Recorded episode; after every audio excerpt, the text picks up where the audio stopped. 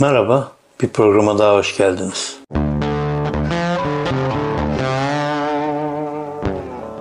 Bugün tekrar 15 Temmuz'a döneceğim. 15 Temmuz e, hiç bitmeyecek benim programlarımda. E, bazen e, ara verdiğimde zannediyorlar ki 15 Temmuz'la ilgili konular, sayfalar, kişiler falan bitti. Hayır, bugün çok az duyduğunuz birisinden bahsedeceğim. Bu çok az duyduğunuz birisi esasında 15 Temmuz'un en önemli kilit taşlarından bir tanesi. Tuğgeneral Ali Kalyoncu.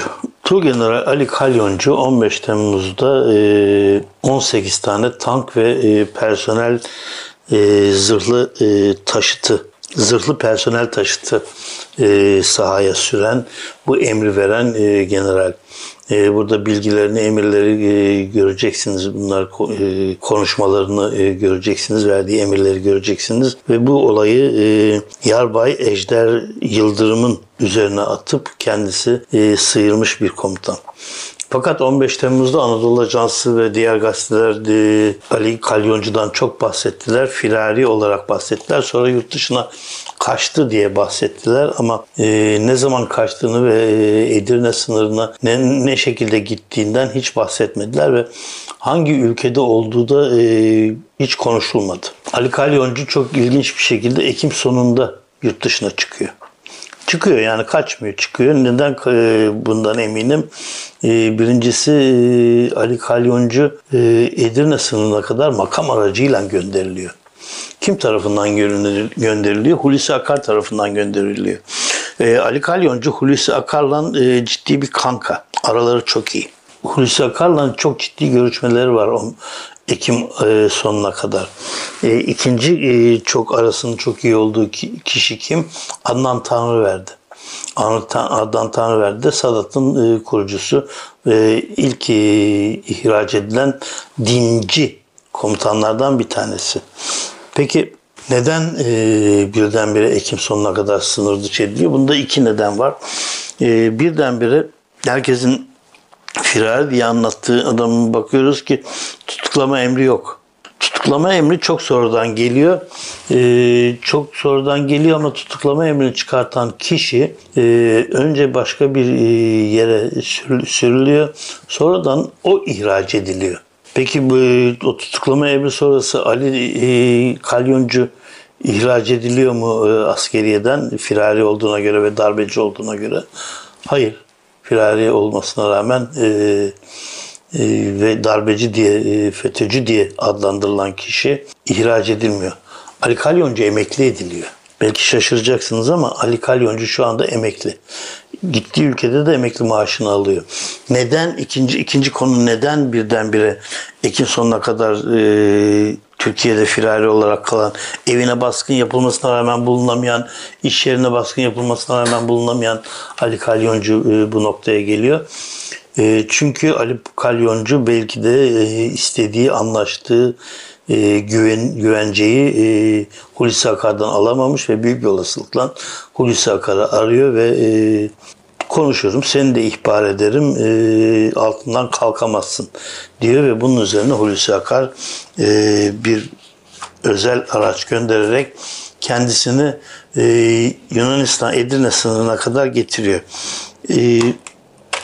Bu noktaya sonradan döneceğim. Ali Kalyoncu'nun nerede olduğuna sonradan döneceğim. Ne yapıyor? Dördüncü Kolordu Komutanlığından ne yapıyor? Ankara Mamak'taki yerden 18 tank ve zırhlı personel taşıtı çıkartıyor. Bunun kaçı zırhlı personel, kaçı e, tank e, o rakamı e, ulaşamadım henüz. Ama e,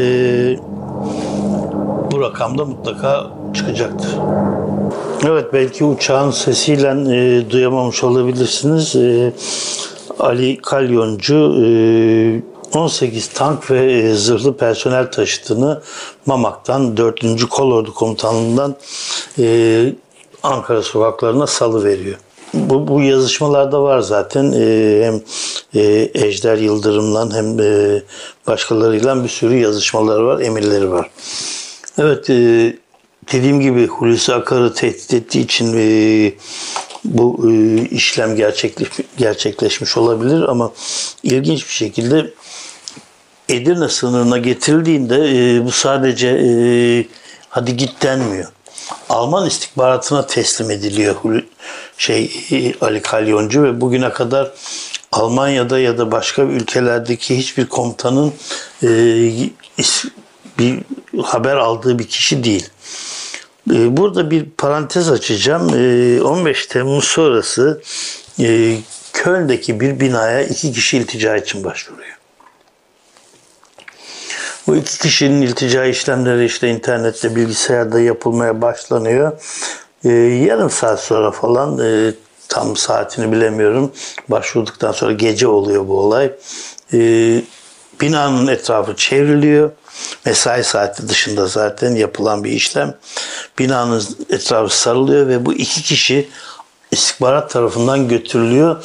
Bütün başvuru işlemleri de siliniyor.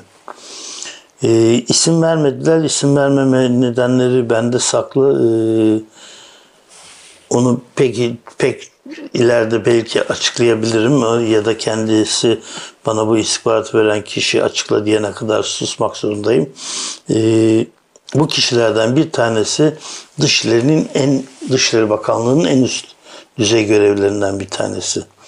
E, diğeri de ya Cumhurbaşkanı Erdoğan'ın o dönemde ya da Başbakan Binali Yıldırım'ın e, danışmalarından, danışmanlarından bir tanesi.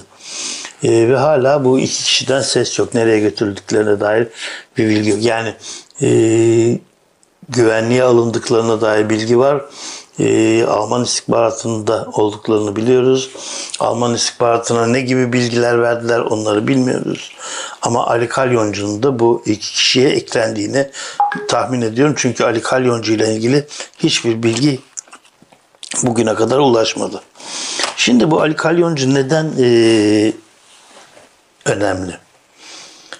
Şundan dolayı önemli. Bu darbe hep Fethullah Gülen darbesi olarak bilindi ne kadar Fethullah Gülen darbesi olmadığını tek başına Fethullah Gülen darbesi olmadığını Abdülkadir Selvi bile e, söylese NATO'cularla beraber yapıldığını söylese de bir takım kişiler hala bu şekilde anmaktan e, zevk alıyorlar ve işlerine geliyor. Neden işlerine geliyor? Çünkü e, NATO'cularla her an hala iç içe yani biz NATO'dan çıkmamış ya da çıkartılmamış bir ülke, ülke olduğumuz için NATO'cuları NATO'cu komutanların hala e, hakimiyeti ele geçirme olasılığı olduğundan e, bu yalaka basının bir kısmı e, hala onlara karşı tavır almıyor.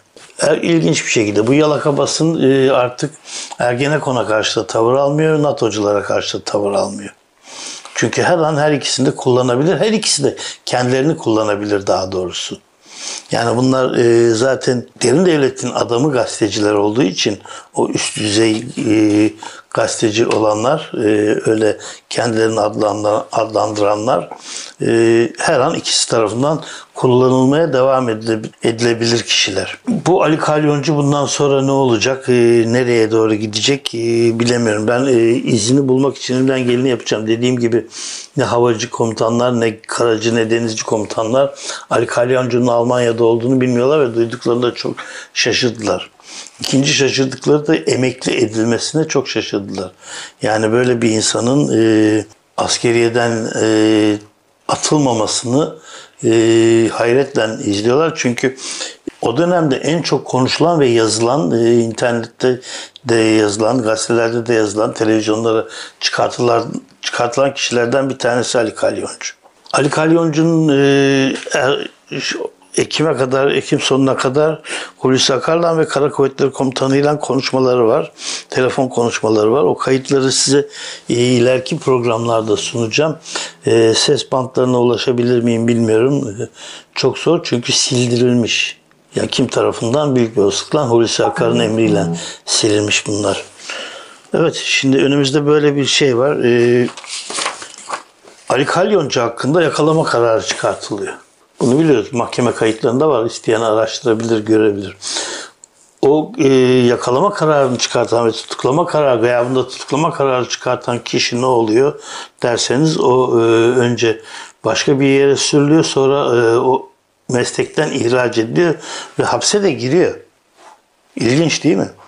Yani bir darbeciyi tutuklama emrini çıkartan kişi meslekten atılıyor KHK'lı olarak ve e, hapse atılıyor.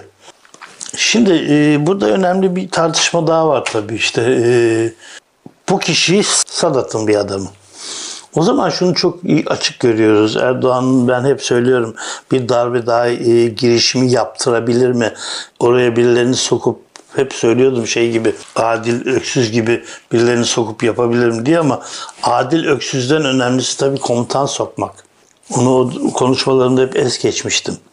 Yani bütün olay Adil Öksüz'den Zekeriya üzerine kalmıştı. Ee, yani askeriyeyi iki sivili ne kadar bu kadar darbeye sürükleyebilir bu hiç e, tartışılmadı. Oradaki komutanlar önemli. Şimdi Erdoğan kendisini kurtarmak için seçimden iktidara gelemeyeceği için yeni bir Ali Kalyoncu bulmuş mudur acaba? Darbe yaptırıp da tekrar bir darbe 20 Temmuz darbesi gibi bir darbeyle onu da şey yapıp fakat bu sefer daha kanlı bir şey yapıp işte o sokak çatışması dediğimiz noktaya getirip işte onu iyice büyütüp böyle bir şey yapabilir mi? O yüzden etraftaki yeni Ali Kalyonculara dikkat etmek lazım. Yeni darbe konuşma, e, konuşmaları oluyorsa oradaki Ali Kalyoncuları deşifre etmek lazım. Yani darbenin yapılması açısından söylemiyorum. Ama yani sonuçta birileri size gelecek ve darbe başlangıcı için konuşmalar yapacak. Bu insanları deşifre etmek gerekiyor yoksa bu, bu noktaya geliyor ve siz hapislerde yatarken onlar emekli oluyorlar. Almanya'da ya da başka ülkelerde gayet rahat yaşıyorlar emekli maaşlarını da alıyorlar ya da emekli maaşlarını e, Türkiye'de hani bir, bir dönem söylemiştim ya geçtiğimiz günlerde bir takım komutanların İsviçre bankalarında hesaplarına para yatılmış diye. Ali Kalyoncu bunlardan bir tanesi mi? Ali Kalyoncu e, bu şu anda ikinci görevi olan Sadat'ın ikinci başkanı e, dediğimiz o generalle e, beraber mi çalışıyor? Sadat'ın Avrupa'daki komutanı mı oldu? Bunların hepsini ortaya çıkartmak lazım. Ben Ali Kalyoncu'dan rica ediyorum. Beni Almanya'da bulmak çok zor değil. Bulursa kendisiyle bir söyleşi yapmak isterim. Hulusi Akar'la 15 Temmuz'dan 30 e, Ekim arası ya da 15 Ekim arası diyelim 3 aylık sürede neler konuştu? Hulusi Akar tehdit etti mi gerçekten? Ben bak öterim seni de ele veririm dedi mi? O dönemin Kara Kuvvetleri Komutanı'yla neler konuştu? Hep bunları bilmek lazım. Burada önemli bir şey tabii. Hulusi Akar e, aynı Ali Kalyoncu gibi Erdoğan'la anlaşıp da darbeyi sonuna kadar götürürüm ama son anda sana teslim ederim dedi mi? Ortaya bu çıkıyor çünkü. Hulusi Akar'ın darbeden sonrana kadar e, vazgeçmez gibi yapması, Akın Öztürk'le beraber olması, Şaban Dişli ile beraber olması hep bunları ya da öbür dişli dişlileri karıştırmış olabilirim. Ee, bir tanesi büyükelçi, bir tanesi hapiste. Ama Başbakanlıkta ve Genelkurmay Başkanlığı'nda bütün hareketin başındalar şeyde Akın Öztürk'te, diğer Dişli'de. Aynı onlar gibi mi bunlar acaba? Darbe karşılığı çok ciddi bir e, para alıp sonra da vazgeçin ama yarınızı da biz hapse atarız bakın diye. Çünkü e, şeyi de e, Mahir Kaynak da öyle e, ikna ediliyor. Mahir Kaynak akıllılık yapıyor son anda işte e, İlhan Selçukları ele verdikten sonra 9 Mart darbesi için 1971 yılında e, Mahir Kaynak diyorlar ki seni de 3-5 ay 4 ay hapse atalım. Tabi bunun zamanı söylemekten bitmiyor. O kadar kolay değil. 4 ay sonra onu çıkartmak. Ee, ama bizden beraber göreve devam et. İçeride olanları da bilelim konuşmasında Mahir Kaynak benim görevim burada bitti diyor. Akıllılık yapıyor orada. Çünkü onun devamı e, bir sürü kötü şey olabilir kendi açısından. Öldürülmeye, fark edildiğinde öldürülmeye kadar gidecek bir şey olabilir. Çünkü şaka değil insanların yaşamlarıyla oynuyorsunuz. Burada darbeyi savunduğumdan değil, onların gözünden bakarak söylüyorum. İyi ya da kötü bir şey yaptığınızın önemi yok. Onu ele veriyorsunuz. O güne kadar en yakınında olduğunuz insanları ele veriyorsunuz. O yüzden bunun e, fark edildiğinde nasıl bitebileceğini hiç kimse bilemez. Onun için Ma- e, Kaynak ben görevimi yaptım. Bunu da ifşa ediyorum, açıklıyorum. Ben MİT adına 9 Martçıların içine girdim. Ama görevim de bundan sonra bitti. Ben üniversiteye dönüyorum profesörlüğüme. O zaman belki de doçent, doçentliğime bakacağım. Bundan sonra bilim üzerine çalışacağım dediği için bir takım olaylar değişti. O dönemde ve hemen e, işte allem edip kallem edip 3 gün sonra 9 Mart darbesinin içinde yer almış iki komutandan Genelkurmay Başkanı ve Hava Kuvvetleri Komutanı Muhsin Batur bilhassa onunla beraber 12 Mart darbesini yaptılar. 9 Mart'ta darbe demokrasi getireceğini söyleyen Muhsin Batur 12 Mart'ta Mahirlerin öldürülmesine, denizlerin asılmasına hiç gözünü bile kırpmadı. Ve an- ondan sonra da CHP Cumhurbaşkanı adayı olarak karşımıza çıktı. Hep o yüzden söylüyorum Türkiye'yi darbe yönetiyor, Türkiye'yi derin devlet yönetiyor. Onlar her zaman bir yerde bir şekilde karşımıza çıkıyorlar. Ama bakkal ama hava kuvvetleri komutanı olarak. Türkiye'de bir şey olduğunda o bakkallardan bir tanesi ortaya çıkıyor. Kasaplardan bir tanesi ortaya çıkıyor. 15 Temmuz'da da gördük bunu. Bunlar görevli insanlar. Öyle birdenbire vatan millet aşkına çıkmıyorlar. Bunlar belli maaş alıp böyle yan gel yat oturuyorlar ama ihtiyaç olduğunda Maraş'talar, ihtiyaç olduğunda Sivas'talar, ihtiyaç olduğunda Çorum'dalar. İhtiyaç olduğunda 6-7 Eylül'deler. Oradaki 10 bin kişi değil, 20 bin kişi değil ama oradaki 100 kişi onlar. Ama üsteğmen olarak gidiyor ama bilmem ne olarak gidiyor ama bir, bir şekilde oradalar onlar. İşte Ali Kalyoncu da bunlardan bir tanesi. Tabii üst rütbe anlamında bunlardan bir tanesi. Evet, bir programın daha sonuna geldik. Bir dahaki programda buluşmak üzere. Dediğim gibi Ali Kalyoncu e, programı bir ya da iki program daha devam edecek. Bir dahaki programa görüşmek üzere.